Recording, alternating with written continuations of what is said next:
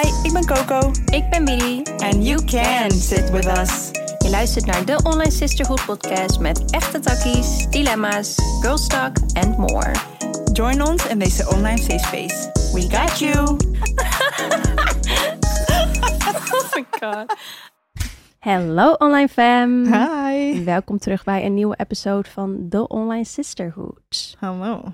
How are you? I'm amazing. Ja? Ja. Moet je niets vertellen? Nee. Al je leugens. Kijk, je- kijk, jij bent echt, dit bedoel ik. Dit is een safe space voor jullie. Maar niet voor mij. Want zij snitcht alles. Ja, ik moet- ja, Alles. schat, het is ook wel gewoon... Vertel maar even wat je hebt gedaan. Oké. Oké, sinds mm, 1 januari was de afspraak dat ik zou stoppen met Red Bull. Het is Met vandaag Orfeo. Het 6 is- februari. Ja, oké. Het lukte heel erg goed de eerste drie weken. En daarna dronk ik er af en toe eentje. En ik voelde me vanmorgen nog heel erg schuldig. En ik dacht nog van, ik vind het eigenlijk wel echt heel erg. Want Orfeo denkt volgens mij echt dat ik volledig ben gestopt. en hij stuurde me net een berichtje, schatje, ik wil even tegen je zeggen dat ik heel erg trots op je ben dat je bent gestopt met Red Bull. En mijn hart brak echt een duizend stukjes. En ik dacht, kutzooi. Ik kan echt, ik hou er niet van om te liegen. Kijk, ik heb, jij zegt tegen mij, je loog al. Ik heb het gewoon niet gezegd. Mhm. Als jij niet in de prullenbak kijkt en niet ziet dat daar iets ligt, that's Ja. not my fault. Ja. Maar het is wel... Ah, niet tegen Orfeo vertellen. Kijk, dit bedoel ik! Kijk dan! Nee, doe je Nee, dat? Nee, nee, nee, nee, nee, grapje, niet grapje, grapje. Nee, oké. De deur is nu geopend. Het is nu, jij bent niet meer veilig met niks. Just so you fucking know. Dat we gewoon alle kaarten op tafel zouden leggen. nu. Nee, niet altijd. Kut, kutwijf. Babe, als je dit luistert, het is niet waar. Nee, maar het is, ze voelt zich ook heel schuldig. Echt Als heel in- schuldig. ja. Maar kijk, weet je, het is, hij is bijvoorbeeld nu bezig met sporten en shit. Maar hij heeft echt wilskracht. Hij, Hij met eten en zo. Hij kan zich echt goed inhouden. Als ik niet in zijn leven was, dan zou hij nog steeds vegetarisch zijn. Ik zweer het. Toen jij, eh, wanneer was dat? Je had je ceremonie en daardoor was je even weg. Ja. En ik had contact met hem omdat ik mijn pinpas in zijn zak was vergeten. Klopt. Ik was zijn pinpas. Nou ja, Nou, oké. klonk heel weird. Maar hij zegt, wacht even, ik reageer zo, ik ga even een rondje joggen. Het was echt fucking Ja. laat. Ik dacht echt? Ja, hij is gaan joggen, echt. Hij gaat heeft echt wilskracht. Maar ik niet, I'm een weak ass bitch. En op sommige vlakken. op sommige vlakken. Op Not eten en zo, nee. Maar ja, dat is gewoon mijn weakness. Ik wil ook heel graag stoppen. Echt. Ja. Het is, ik ben er niet trots op. Ik schaam me nu gewoon zelfs. Maar ja, ja, maar schat, ik bedoel, je drinkt het al hoe lang? Fucking lang. sinds mijn zestiende. Ja, kijk. Dat is al bijna... Ja. eh, that's a decade. Je bent oud. Nee, grapje. Weet je, jongens, dit was de podcast voor vandaag. Nee. I love you, dat weet je. Nee, oké. Dus Maar- dat, eh, maar voor de rest voel ik me prima. Gelukkig, schat. Oké. Ja. Nee, ik voel me heel goed. Ik heb eh ceremonie, de truffelceremonie gehad. Ja, finally. Waar we het Ja, vorig jaar man. over hadden, heb je gewoon gedaan nu. Ik heb het gedaan. Het was, ik vind dat iedereen het één keer in zijn leven moet doen. Oprecht. Het was de mooiste ervaring ever. Ik ben nog steeds... Ik dacht misschien na een week, dan ga je wel van die hoge wolk af. Maar nee, You're still in that high. I'm still in the fucking high. Ja, echt meer dankbaar dan ever. Je komt zoveel dichter bij jezelf. Ontdekkingen, loslaten, zelfliefde, vergiffenis. Heel veel in één. Allemaal thema's gewoon in één avondje. Ja. Misschien kan ik het de andere keer erover hebben. Dat, dat it deserves its time. Zodat ik goed kan uitleggen hoe en wat. Precies. Maar it was fucking amazing. So thank you for my birthday gift. En binnenkort hebben we. Kundalini. Ja, ook echt zin in. heel benieuwd. Heel benieuwd. Het zijn allemaal dingen die ons toch weer een stukje dichter bij eh, de ware kern brengen. Ja. Our authentic higher self. ja. Wat is je hobby? Ja, trippen. Nou, En ik zeg je eerlijk, je hebt me wel een beetje, een beetje, je hebt me echt heel erg eh, naar de andere kant van de grens getrokken. Want ik zei eerst altijd, dat ga ik echt nooit doen. Nee, vanwege je LSD-trip. ja, vanwege mijn LSD-trip. Ja. Eh, dus het was heel veel angst. Ja. Maar het klonk zo mooi. En ergens denk ik ook, ja, het zou ook eigenlijk wel gewoon een mooi jaar zijn om dat te kunnen doen. Ja, ik, ik ben er wel van overtuigd, 100% dat jij dit kan. Orfeo wil het ook doen. Mijn moeder moet ik het helemaal nog vertellen, precies hoe en wat. Maar ik denk, ja, ik vind gewoon dat iedereen dit moet doen. Dat is gewoon, maar, ja. Maar ik denk dat er wel bij gezegd moet worden, is dat waarschijnlijk niet iedereen zo'n mooie rooskleurige... Dat wil ik inderdaad zeggen. ja. En daarom wil ik een, een soort van misschien een, niet een episode aan wijden, maar een keertje over ceremonies Ja. en dat soort dingen. Maar inderdaad, ik denk wel dat het komt omdat ik zo wel actief met mezelf bezig ben en willing ben om mijn demons aan te kijken. Precies. En ik denk als je dat niet doet en het wordt zo in je gezicht gesmeten, Mhm. dat het ook heel zwaar kan zijn. En je bent het al gewend in de zin van niet Juist. te strippen, maar het je demons aankijken. Ja, gewoon Ja. shadow work, et cetera. Ja. Dus ja, Ja. en toevallig eh, in, nou niet toevallig, in de ceremonie in de mentrip. Ja, ik noem het geen trip, want trip klinkt alsof ik daar een beetje SpongeBob, eh, vliegende SpongeBob zag. Dat is helemaal niet wat het was.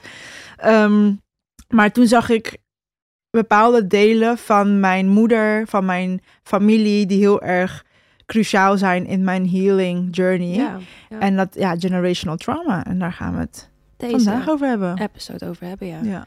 Generational trauma, een woord wat je tegenwoordig echt eh, elke dag ziet op TikTok. Wacht, How are you? How am I? Oh, I'm good. Oh, thanks babe. Oh. Nee, gaat goed. Ik heb een beetje een eh, rough night gehad, maar het is volle maan, dus ik blame het volledig daarop. Oh ja, dat is altijd fijn. Nou, ik, ik, wat ik wel echt merk, elke volle maan en ook elke maancyclus. Dus ehm, elke moon als in wanneer je bloedt, wanneer Ja. ik ongesteld ben, komt er altijd een thema terug wat ik moet verwerken. Mm, Ja, En eh, nu was dat toevallig iets met familie, dus great to talk about generational trauma. ja. Om het even hè, nog een keer aan te kaarten en te beëindigen voor nu, voor, Ja. voor dit thema nu even. Want ehm, ja, daar heb ik even over gedroomd en daardoor eh, door mijn wekker heen geslapen. Dus het was even een rough night, maar I'm Voor de rest. time. Sort of. She made it. I made it. Dus nee, ik, ik vind het wel een fijn onderwerp om het over te hebben. Want ik denk, wat ik zeg, dat dit een onderwerp is wat echt dood wordt gegooid op TikTok. En mensen kennen het woord, want het wordt zo overal exposed. Maar ja, wat is het nou eigenlijk echt? Weet Ik heb het sowieso met spiritualiteit op TikTok en de soort van new age. Er is niks mis mee. En I love that people are spreading the message en alles. Maar er is ook heel, zijn heel veel misvattingen. Mhm. En ik denk dat het heel, wordt heel erg veel wordt geromantiseerd. Ja, ook. Terwijl het is spiritualiteit en love attraction, et cetera, is niet alleen maar oh leuk en eh, hoog in de lucht. Het is juist heel vaak de diepte in. Mhm. En dit is een van die onderwerpen inderdaad. Precies, Ja. ja. ja. Ja, dus eh, ik zou zeggen, enjoy listening. Ja. En hopelijk kunnen jullie er wat mee. Ja. Want heeft iedereen met generational trauma te maken? dat is echt de vraag die bij mij opkwam. Ja? Ja. Ik denk het op een of andere manier wel. Ja. Ja, of je ouder er nou wel of niet was, of welke dynamiek dan ook. Het hoeft niet altijd trauma te zijn, maar ik denk in een way wel invloed op. precies. Want hoe jij bijvoorbeeld hè, eh, trekjes van je oma of zo hebt. Ja. Of eh, ik zeg maar wat, de ogen van je oma. Ja, kan het ook zo zijn dat je emotioneel wat van je oma hebt meegenomen, zonder dat je dat weet. Ja, want wat Dus- is gen- generational trauma? Ik denk dat we dan eerst misschien trauma moeten uitleggen. Ja. Wat is trauma? Ik denk dat veel mensen als ze het woord trauma horen, dat ze denken... dan heeft iemand in een oorlog moeten vechten... Ja. of dan heeft iemand een moord meegemaakt. Maar dat is niet zo. Nee. Althans, dat is ook trauma natuurlijk. Dat is ook traumatisch. Ja. Maar iedereen heeft zo zijn eigen trauma's. Want het kan ook zijn dat jij eh, op school bent uitgescholden of gepest. Eh, dat is niet per se een klein ding, maar het is wel al hè, minder heftig als dat je een moord meemaakt of zo. Ja. Maar dat is allebei traumatisch. En bij allebei de dingen kan je daar dus psychisch, emotioneel en zelfs fysiek klachten aan overhouden. Ja. Which is trauma. Ja. En dat stoort zich altijd in je lichaam. Dus het kan ook vaak zo zijn dat je niet eens meer herinnert wat er is gebeurd of waar het vandaan komt. Maar dat je wel voelt van wow, ik voel nu eh, ineens heel veel angst opkomen. Ik voel heel veel rage opkomen. En dat je niet echt begrijpt waarom. Maar dat Waar kan dus. eh, ja, of waar het vandaan komt. Maar dat kan dus zijn omdat je ooit iets hebt meegemaakt. En jij slaat dat dan op. Of eh, ik zeg maar wat, als dat gebeurt in een open ruimte, dat je dan nu ineens bang bent om in open settings te zijn. Weet je wel? Dat Ja. je je brein slaat wel op wat er, wat er gebeurt en waar je dat voelt in je lichaam en eh, in wat voor setting dat gebeurt. Maar niet altijd de situatie zelf. Nee, het is ook, ons brein zit namelijk zo in elkaar dat, ehm, om ons te beschermen. Precies. En dat werkt op verschillende manieren inderdaad. Eigenlijk is trauma, probeert jouw lichaam, jouw brein jou te behoeden van toekomstige trauma. Door jou te waarschuwen wanneer je weer in een soort gelijke setting of trigger Ja. krijgt. Eh, en ehm, ook het stukje het vergeten bijvoorbeeld van trauma's, waar heel veel mensen ook vragen over hebben, na aanleiding van de andere episode. Eh, om jou te beschermen kan het ook iets wegstoppen. Ja. Waardoor voor de een is een trauma heel erg makkelijk te identificeren en voor ander totaal niet. ja, en dissociatie Ehm, En kan ook dissociatie. Dus dat heeft ook weer allemaal verschillende eh, gevolgen en invloed op je leven. Precies. eh, en ja. hoe je ja, omgaat met dingen. Ja. ja, en je moet begrijpen dat je lichaam dat dan uitschakelt om jou te beschermen, wat Coco zegt. Want waarschijnlijk is die klap op, op dat moment zo intens dat je lichaam denkt, oké, shutting off. Ja. Eh, en dan dissocieer je je dus vaak, omdat je dan echt wegtreedt van je lichaam Mhm. om de klap niet op te vangen. Nee, dat is ook de reden waarom eh, bijvoorbeeld je kan vijf verschillende mensen spreken die dezelfde, letterlijk in dezelfde Ja. ruimte waren, hetzelfde hebben ervaren, maar het anders verwerken. Dus de een dissocieert, die, weet je, dit, hun brein haalt hunzelf uit de situatie. Ja. De ander gaat juist heel erg in de aanval. Ja. De andere gaat in beschermingmodus op verschillende manieren. En de ander die heeft waarschijnlijk helemaal geen trauma daaraan overgehouden. want dat ligt er ook aan, precies wat jij zegt. Als jij vijf mensen in een ruimte zet, dan eh, ligt het echt aan wie is jouw support system? Weet je, wie heb jij om je heen? Wat was je opvoeding? Wat is jouw veerkracht? Wat zijn de vo- draagkracht? vorige trauma's. Wat zijn je vorige trauma's? Eh, er zoveel heeft te maken met hoe jij eh, een traumatische ervaring oppakt. Ja, Dus het Ja. verschilt per persoon. nou dan komt het stuk generational. Precies. Dus dat Ja. zegt het eigenlijk al. Ja. generatie op generatie. Dus ik denk je- dat je dan echt moet kijken naar ehm, bijvoorbeeld waar gingen mijn opa en oma doorheen? Wat is iets wat eh, misschien door de cultuur zo is aangeleerd of eh, ja, gewoon letterlijk misschien alcoholisme, whatever they have been through. eh, daardoor maken ze coping mechanisms aan. En dat kunnen ze weer projecteren op onze ouders. En Ja. onze ouders weer op ons. Ja. En dan heb je te maken met generational trauma. En generational trauma werkt ook erfelijk, deels. Vooral Klopt. voor de vrouwen.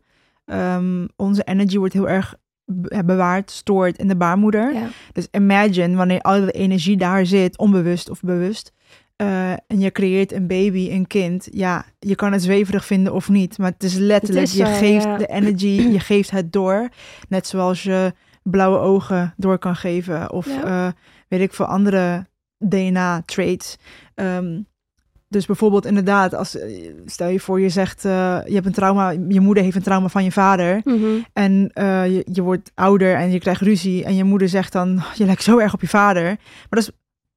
Of inderdaad, je lijkt gewoon op je vader. Maar het kan Ja. ook het trauma zijn die zij heeft van je vader. Die ze heeft meegegeven aan. precies. En ja. daarna komt er ook nog het stuk niet DNA, niet erfelijk. Dat je de, dus de wisselwerking tussen die twee mensen hebt Ja. gezien. En daar een trauma aan over hebt. ja, dat je misschien eh, hè, een dysfunctional marriage hebt gezien. Juist. En daardoor inderdaad eh, ook weer bepaalde traits hebt opgepakt. Dus het kan op meerdere manieren. Maar, eh, Cultureel, dus erfelijk. Of gewoon letterlijk iets meemaken. Ja. ja. en als we het zo zeggen, denk ik dat we onze eigen vraag wel kunnen beantwoorden. Dat iedereen te maken heeft met Tuurlijk. generational trauma op zijn, haar, hen eigen manier. En nogmaals, wat je net zei. Het trauma-stukje is voor iedereen anders. Ja, Eh, weet je wat voor mijn trauma is? Kan voor jou gewoon een, ja, was een vervelende gebeurtenis. precies. Dus ja, dat is voor iedereen gewoon, ja. ja. Zullen we even een, een heel concreet voorbeeld geven? Ik denk dat dat Ja? misschien wel... Ja. What was that? Ja, als in, laten we de kaarten maar gewoon op tafel leggen, hè? Nee, ik pak even niet een voorbeeld vanuit onze Oh ja, eigen, nee, maakt het niet uit. eigen ding. Maar eh, om het eventjes in, beter in beeld te brengen, denk ik wel handig. Ja. Oké, dus je oma is opgegroeid in een arm gezin. Ze is emotioneel mishandeld door haar ouders en haar gevoelens werden niet gehoord. Ook heeft ze regelmatig huiselijk geweld meegemaakt. Hierdoor heeft jouw oma last van anxiety, een heel laag zelfwaarde en woedeuitbarstingen. Zij trouwt weer met iemand die zo zijn eigen dingen heeft meegemaakt. En allebei handelen ze op een manier die zij gewend zijn. Samen hebben ze een lage tolerantie voor stress, depressiesymptomen en heel veel coping mechanisms. Zij krijgen kinderen zonder dat ze het hier echt even over hebben gehad. Want hè, als Mhm. iets zo lang in jouw systeem zit, is het normaal. Ja, Soms voelen mensen niet eens dat ze elke dag angstig zijn, omdat dat hun state of being is geworden. Dus hun kinderen groeien hierdoor op in een situatie die niet veilig is. Ze zien dat een huwelijk veel problemen met zich meebrengt, dat het normaal is om over je grenzen te gaan, te liegen en verantwoordelijkheid te dragen over hun ouders. Ze krijgen vaak hechtingstoornissen. Dus elk kind in het gezin gaat hier op een andere manier mee om. Ook wat, wat we net zeiden. De Ja. een kan hè, zich heel erg terugtrekken, de ander kan heel aanvallend worden. Eh, maar ieder kind laat het wel zien in zijn of haar leven. Vaak heb je dan ook bijvoorbeeld echt een golden child, die dan wordt gezien als: Oh, jij bent het beste kindje, maar die krijgt dan weer juist het gevoel van: Wow, ik moet altijd presteren en ik moet het altijd hè, beter doen dan de rest. Dus ongeacht wat de situatie is, elk kind gaat er uiteindelijk anders mee om. En ja, heeft er wel een soort van schade aan opgelopen. Ja. Want dat is wel wat het doet. En ja, dan komen we eigenlijk op het stukje: oké, het is er. Generational trauma. Dus je hoort het al. Dit is een mooi voorbeeld van, want. ehm, nou ja, nogmaals, het woord generational trauma klinkt misschien als, oh, het staat heel ver weg van mij. Maar als je dit zo hoort, ja, eigenlijk maakt iedereen het mee. Op zijn eigen Op manier, zijn eigen zeker. manier, ja. Ja. Dus dan is het ook vooral belangrijk om te weten, ja, maar wat doe je hier dan mee? Ik denk ehm, wat voor mij persoonlijk een hele belangrijke stap is geweest in generational trauma is, ehm, want je wil iets gaan helen natuurlijk, Ja. maar om dat te kunnen doen moet je het erkennen, Precies. eh, leren begrijpen. En voor mij was judgment een hele Mm. belangrijke. Mhm. Ehm, als ik dan een eigen voorbeeld mag nemen, ik heb, we hebben het gewoon best wel zwaar gehad vroeger. Heel veel meegemaakt thuis. Huiselijk geweld, niet altijd evenveel geld. Dat, dat brengt allemaal Ja, ja, limiting beliefs met zich mee. Wat mij op mijn beurt inderdaad weer eh, ja, dwars zit in bepaalde dingen. precies. En ik heb mijn moeder be- eh, op mijn bewustzijnslevel, zeg maar, je hebt je bewustzijn en je onderbewustzijn, heb ik mijn moeder never wat kwalijk genomen. De keuzes die ze heeft gemaakt, de situaties waar ze in terecht is gekomen door die situaties, ik heb het haar never kwalijk genomen. Eh, want ik weet, bewust, dat zij het allerbeste heeft Ja. gedaan wat ze kon op dat moment. Precies. Misschien vind, weet ik nu wel van, oh ja, maar dat had je beter kunnen doen, dat had je beter kunnen doen. Dat weet ik nu, omdat zij die fouten heeft gemaakt. Precies, ja. Snap je? Dus zonder haar fouten was ik nu niet op deze consciousness Nee. level. Je leert ervan. Je leert ervan. Misschien op de harde manier, maar je hebt ervan geleerd. Precies. Het moment eh, dat die judgment wegvalt, kan je beter vergeven. Ja. Maar ik ging dus vorig jaar ging ik in eh, ja, eh, coaching en toen merkte ik toch, is het toch eens iets wat het wel, haar wel kwalijk neemt en vragen zoals waarom de fuck heb je die man gekozen als mijn vader of Precies, waarom heb ja. je toen niet dat gedaan of en dat is toch de inner child. Mhm. Je inner child is echt key binnen het verhaal generational trauma, want Ja. eh, je innerlijk kind. ja, ik geloof volgens mij tot je negende is je brein het meest bewerkbaar en Zeven. zeven loop Ja. je de meeste trauma's op. Klopt. Dus dat is gewoon heel erg belangrijk om aandacht aan te geven. En ik moest gewoon echt uit mezelf stappen. En dat is trouwens een trauma wat ik niet eens besefte. Want mijn moeder en ik zijn fucking close. Weet je, moet je nagaan. Mhm. Dat je toch denkt, oh shit, ik neem mij toch wel het een of ander kwalijk. Ja. En de judgment voor mij moest er compleet uit. Wilde ik het echt een plek geven. En eh, de cycle op een liefdevolle manier kunnen breken. Want je Ja. kan het breken en denken, ja, ik ben er overheen en ik ga dit niet meer doen. Maar als je nog steeds doorgaat met de pijn, Dan heb je helemaal niks dan verbroken. heb je er niks verbroken. Want uiteindelijk ga je dus wel met een verwijt, misschien niet in dezelfde vorm trauma, maar je, je- you're passing it on. Letterlijk, ja. ja. Dus eh, wat voor mij heel erg heeft geholpen is, luister, ik persoonlijk geloof dat we allemaal verschillende levens hebben. Eh, lifetimes, wel één ziel, maar die maakt verschillende levens mee en die heeft elke keer een verschil, verschillend levenspad. Mhm. Ehm, en dit is mijn pad en dat is haar pad geweest. Ja. Wie ben ik als ziel om haar pad te judgen? En tuurlijk heeft het gevolgen gehad en die erken ik ook. En ik geef mezelf ook de ruimte om dat te voelen. Ja. Maar einde van de dag is zij ook gewoon een ziel. Een hele mooie ziel. ehm, die de vergiffenis... Die nu op je arm staat. Ja, Laat die nu op mijn arm staat. Ja. Sorry, ik moet Ja. even je verhaal onderbreken. Is mijn moeder. Zo gorgeous. En de grap is, ik wilde het dus een jaar geleden al zetten. oh ja. En toen kwam het op mijn pad van... I'm kind of mad at her. Ja. Soort van. Want ja. En nu ben ik helemaal zen en één met mijn moeder, zeg maar. En toen dacht ik, oké, nu is het moment. Maar dat is ook weer een voorbeeld van dat je echt door die woede heen moet. Je moet er echt even doorheen. En besef, ik be- besefte oprecht niet eens dat ik dat had. Nee, Want ik neem mijn moeder op een bewuste level nooit iets kwalijk genomen, maar onderbewust dus wel heel veel. dus wel heel Ja. veel. En die liefde en die vergiffenis, of die, die eh, ja, gebrek, of noem je dat, het wegnemen van judgment, Ja, dat. En toen pas kon ik echt door. precies. Ik heb het op andere manieren verbroken, maar zolang je die haat en die judgment, ja, haat is ook wel sterk, want dat voelde ik nooit naar mijn moeder toe. Eh, maar Van ja, boosheid. ja, dat blijft je toch bij. En ik Ja. denk dat dat heel belangrijk is. En het is een hele zware energie. Het is heel zwaar. Die constant aan je trekt. Zonder dat je het doorhebt. Bewust of Om- onbewust. Ja, precies.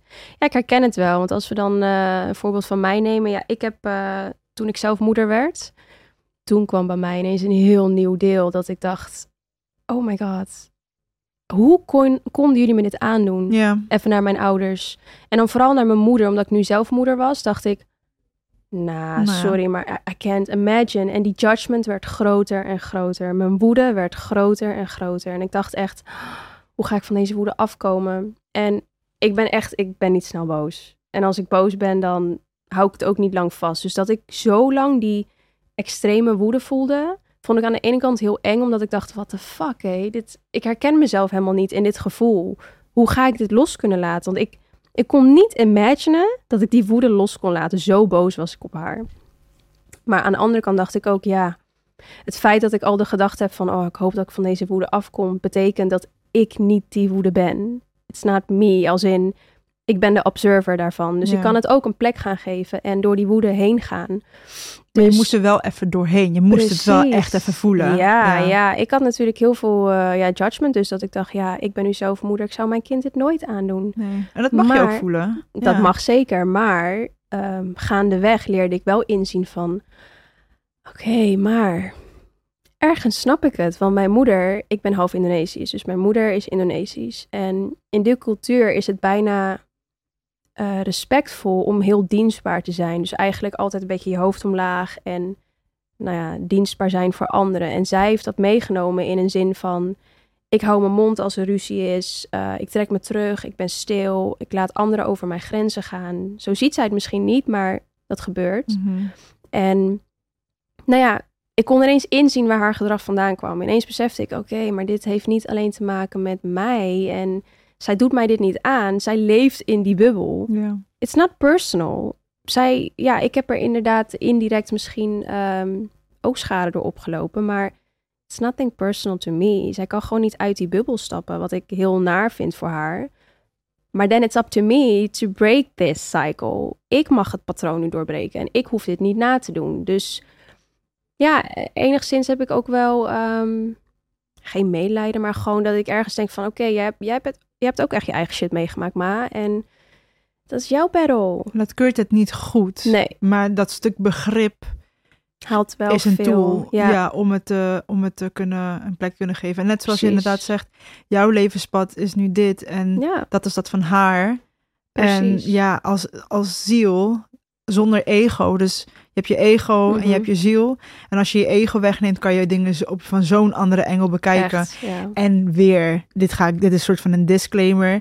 Dit gebeurt niet binnen een dag of twee. Nee. Er is jaren werken en jaren niet pijn voelen en proberen weg te stoppen. En het is een soort van pingpong spelletje tot je de, de bal eindelijk stilstaat. Echt zo, ja. En weet je, dus voel je niet slecht als je denkt, oh ja, maar ik zou never zo kunnen denken. Of ik, ik, kan, die, ik kan me niet eens voorstellen dat ik diegene kan vergeven. dat That's dachten wij fine. ook. That, ja, Yo, that's fine. ja. Met mijn vader, the same thing. Precies, ja. Weet je dat ik gewoon dacht van hoe in godsnaam kan je zo verdomme kinderen maken, niet naar omkijken en hun aandoen wat je hebt gedaan en hun moeders ook weer en die judgment, weet je wel? En je Ja. denkt op een gegeven moment ga je bijna denken, ja, maar ik heb recht op, de- op deze pijn. Mhm. Dus De je gaat- victim role. ja, de victim en victim role klinkt voor heel veel mensen heel confronterend en heel erg ehm, bijna beschuldigend Ja, omdat je zegt van ja, maar ik kies er niet voor om een slachtoffer te zijn. Slachtoffer te zijn. Nee, klopt.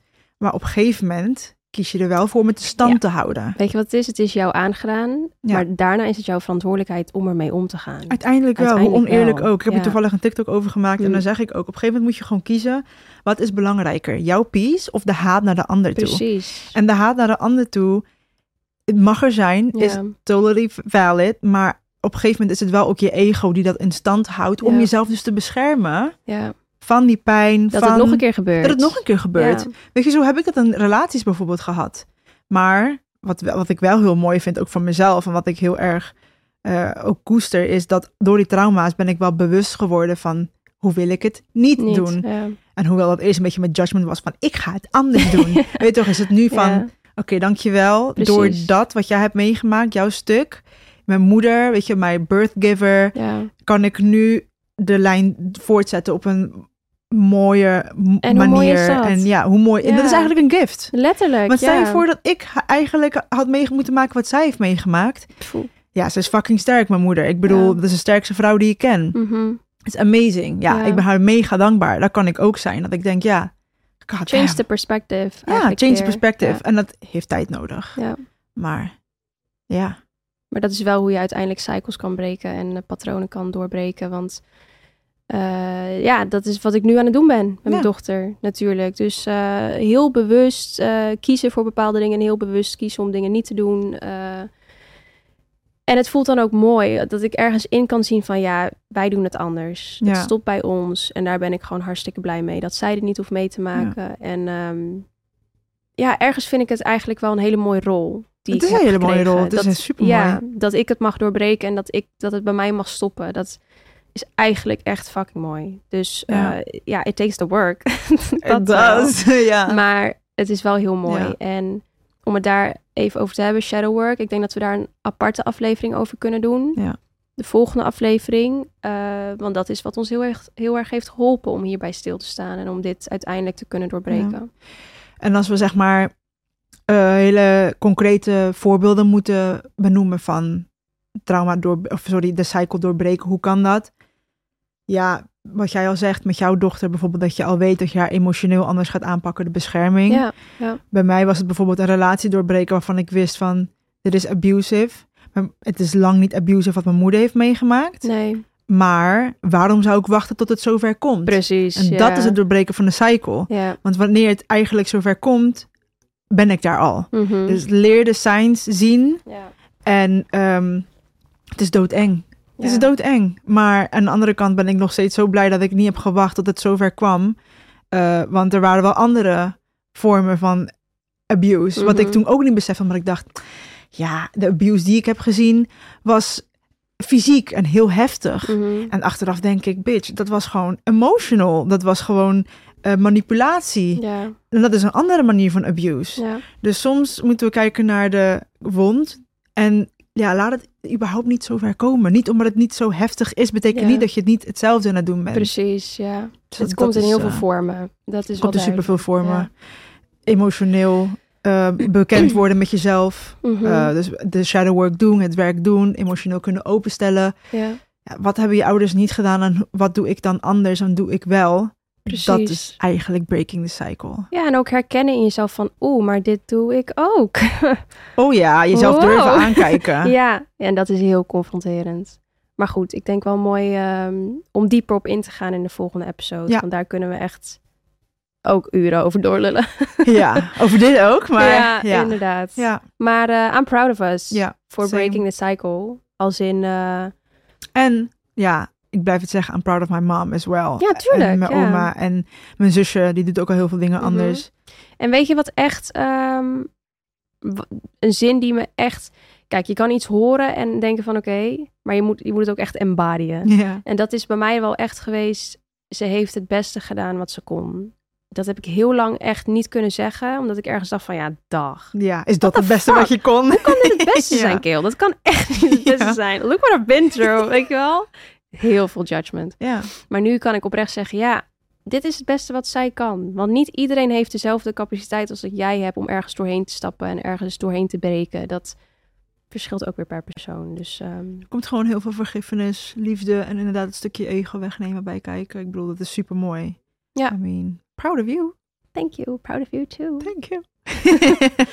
Ik denk dat het eh ja. tijd Oh, is. we hebben zeg maar zo'n gesprek gehad en dan moeten we...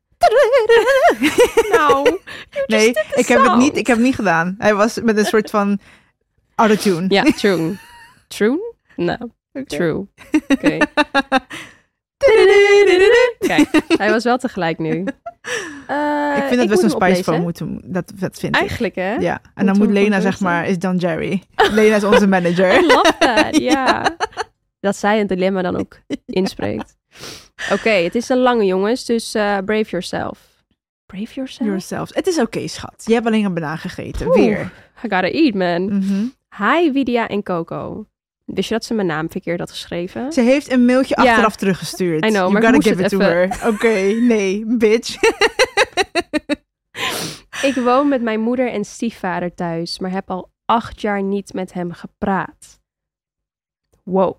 Dat is echt wel heftig als je in hetzelfde huis heftig. Ik hoop dat je huis leeft. groot is, maar oké. Echt hè? Ja. Oeh. Mijn moeder en ik zijn slachtoffer geweest van huiselijk geweld en mijn echte vader was slash is heftig alcoholist. Daarom heb ik het contact volledig afgebroken met hem. Good for you. Zij zijn 14 jaar geleden uit elkaar gegaan en mijn moeder heeft nu een nieuwe relatie met een man die nu mijn stiefvader is. Ik heb nooit een goede band kunnen opbouwen met mijn stiefvader, omdat ik patronen van drankgebruik terugzie die ik ook bij mijn huidige vader heb meegemaakt.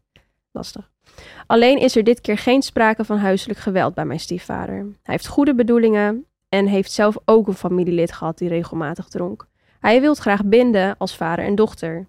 Ik totaal niet. Hierdoor heb ik op jonge leeftijd besloten dat ik niet meer tegen hem wil praten, omdat door zijn drankpatroon ik mijn trauma herbeleef en ik daarom boos ben dat hij en mijn moeder dit niet inzien. Ik heb vaak gesprekken met mijn moeder over ons trauma en ze vraagt me ook vaak waarom ik besloten heb mezelf volledig af te sluiten van haar partner. Ik vind dat ze veel spanning op mij legt door mij een schuldgevoel aan te praten dat ik de oorzaak ben van waarom mijn stiefvader steeds in zijn patronen terugvalt. Haar oplossing is dat ik gewoon moet praten. Ik heb haar verteld dat ik mijn trauma steeds herbeleef en veel triggers ervaar in mijn huiselijke omgeving. Hierdoor ervaar ik veel spanning op school, werk en dus ook thuis. Haar vader, dus mijn opa, was ook alcoholist en ik zie deze herhaling. Mijn dilemma is dat ik binnenkort het huis uitga en niet weet hoe ik dit hoofdstuk af moet sluiten. Ik heb het gevoel dat als ik dit niet doe, ik weer wegvlucht van het probleem. Ik wil niet de verantwoordelijkheid nemen om dit drankprobleem op te lossen. Ik wil gelijk inhaken. Maar wel zo volwassen genoeg zijn om eindelijk de stap te nemen om het probleem, slash de ongoing family issues, aan te pakken. Ik ben alleen bang dat er bij mij dan ook een bom ontploft, omdat ik vaak boos ben, maar dit onderdruk. Hope you can help me out. Ik kan mezelf heel erg herkennen in wat jullie hebben meegemaakt en jullie inspireren me enorm als het gaat om spirituele groei en pijn voeden. Thank you for being here for us. That's really sweet. You inspire me to hurt. Nee. Oh, dat is heel lief. ja. Ja, ik... eh, Wacht, één stukje moet ik even opnieuw lezen. Want ze zegt dus... Even, even, even terug. Ze zegt... eh, ik heb nooit een go- goede band kunnen opbouwen... want ik zie patronen van drankgebruik. Er is alleen geen sprake van huiselijk geweld. Ik wil gewoon gelijk even iets zeggen. ja, Lieverd, acht jaar is een lange fucking tijd om Ja, in een huis te wonen met iemand. Het geeft je spanning op werk, op school, in everything ja. in your Je life. bent heel je lichaam aan het blokkeren. Alle energy. Die verantwoordelijkheid die je niet wil opnemen, moet je wel gaan opnemen. Want het Ja. gaat om jouw peace. Ja, man. Ja. Acht jaar. Hey. Auw. Als ik ruzie had met mijn moeder, kon ik niet eens een dag Oeh. aan haar negeren. Snap en het voelt gewoon aan die buik. Ik, ik voel gelijk immediately gewoon die blokkade. Gewoon Ja. zo, eh. En ik ben blij voor je dat je uit huis gaat, want het kan help. Maar aan de andere kant, het gaat je handen. Ja, man. Het gaat je achtervolgen, want het- je zegt het zelf, het is niet afgesloten. Nee. Kijk, ik ga wel één ding zeggen. En, en ik denk niet dat iedereen het misschien gaat begrijpen of gaat waarderen. Ik ben altijd die bitch. Oh ik geef je nooit, nooit zeg maar dat. Oh nee, je- ik snap het. Nee. Ik Well, echt. it. Ja. Je zegt. Ik heb nooit een goede band kunnen opbouwen. Even kijken, hij wil graag een binden als vader en dochter en ik totaal niet. Dus ik heb hierdoor jong besloten. Ik ben boos dat hij en mijn moeder dit niet inzien. Mhm. Oké. Ik ga je nu al zeggen, wat je nu eigenlijk onbewust aan het doen bent, is je ener- energy bij hun aan het leggen en de erkenning moeten hun jou geven in order to feel fine. Je geeft je power weg. Je geeft je power weg. En dat Ja. zeg ik niet blaming. Dat zeg ik echt niet omdat ik zeg, oh, dat is jouw schuld. Absoluut niet. De keuze die je moeder heeft gemaakt, misschien niet de beste. En je bent het er niet mee eens. Mhm. Maar daar, des te belangrijker dat jij jezelf die erkenning gaat geven en de, ja, eh, allowed to hurt. Mhm. Want je bent jezelf, je bent het nu bij hun aan het neerleggen. En blijkbaar ziet je moeder het niet in. Dat patroon gaat niet doorbroken worden. En dat is niet jouw taak. Het is niet Nee. jouw taak om het voor haar in te laten zien. Je kan nogmaals die judgment, die liefde gaan voelen en denken, hé, maar oké, weet je, ik zou liever anders voor je willen zien, oprecht. Ehm, maar ik ben het er niet mee eens.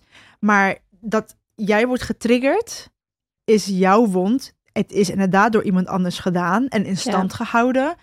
Maar die zelfliefde moet echt gaan groeien, man. Precies, want als jij getriggerd wordt door iets wat iemand anders doet, is dat automatisch een spiegel van dat het eigenlijk binnenin jou Ja, een stukje is wat kan worden geheeld. en ik snap, en ik ben there, dat heel veel mensen denken Ja. van ja, maar ja, het is jouw verantwoordelijkheid. Jij hebt het gedaan, je bent mijn moeder, je moet voor me zorgen. En dat is Ja. echt, mijn coach took me out of that one real quick. Ja. Ze zegt, ja, maar wie zegt dat? We zijn allemaal zielen op aarde. Ja. Ja, en die ziel is toen toevallig een moeder geworden. Maar ook zij heeft haar eigen shit. En zij heeft haar eigen pijn. En Ja. zij heeft het wonder die zij moet helen.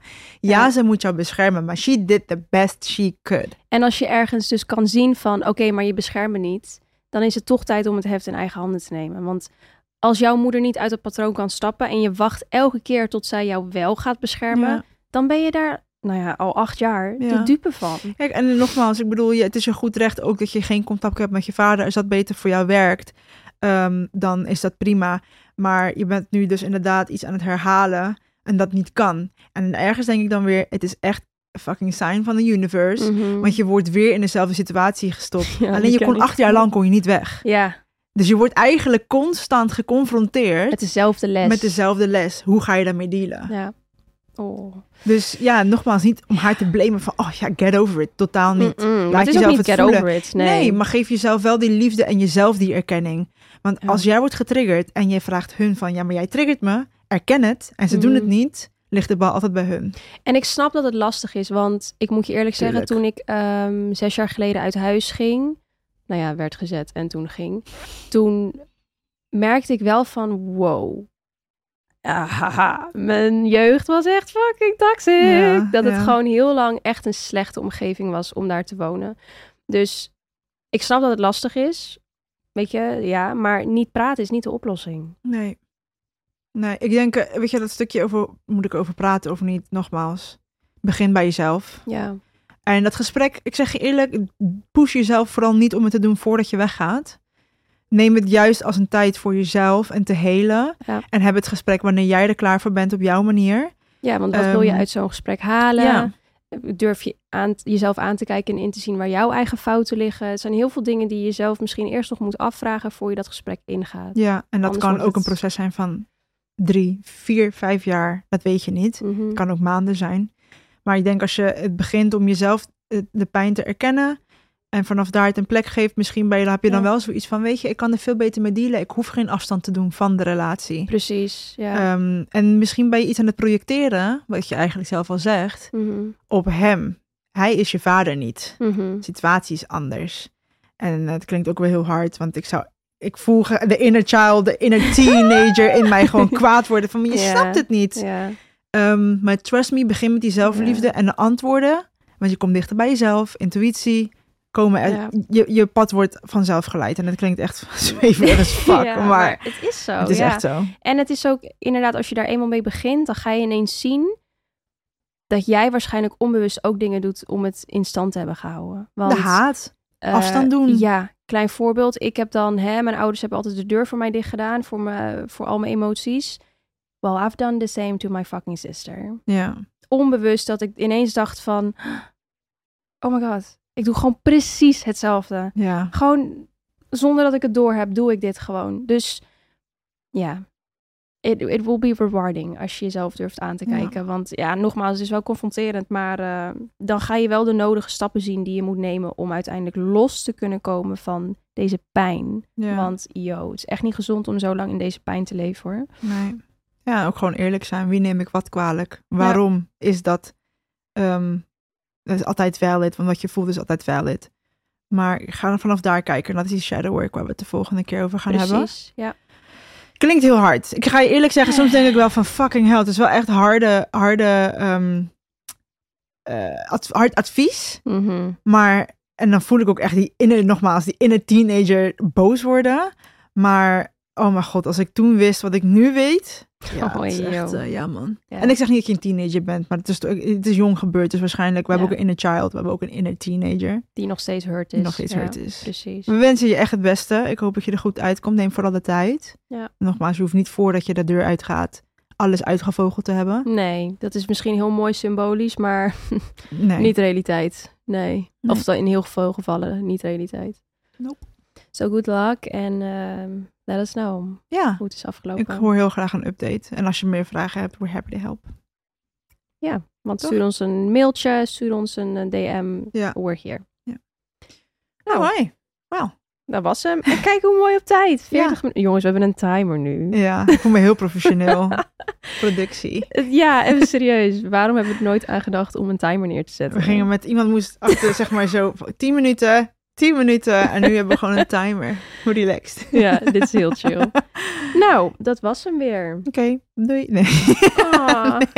Weet jij wat heel grappig is? Oh. Dat jij bepaalde dingen hebt die je Oh. doet, die bij mij dan... Ja, I know. Het is heel kut. En ik, heb, ik blijf het ook altijd doen, maar niet bewust. En denk, oh, je bent echt kutwijf. Nee, maar dan denk ik automatisch weer van... Ja, maar dit is niet haar, intentie om mij te pijnigen. Nee. En dan denk ik weer, gewoon- oh ja, Ik heb gewoon hele sarcastische humor. Sorry. it's fine, love. nou, we horen, zien jullie the next time. Of jullie horen, zien ons. And thank you for listening. En als je nog vragen hebt, we hebben eh, Instagram. The Online Sisterhood. If you have questions, je kan meepraten met de episode. En it's basically your online safe space. Voor jullie echt. Voor mij minder. Maar het is voor jullie wel echt Oké, ik ga erop letten. Nee, it's fine. I'm sorry. ik lul je, zie je? Dit was een trigger. ja, I feel guilty now. Net als jij je schuldig voelde vanmorgen. Now I feel guilty. Oké. Bye. Love you. Bye. Kut hoor.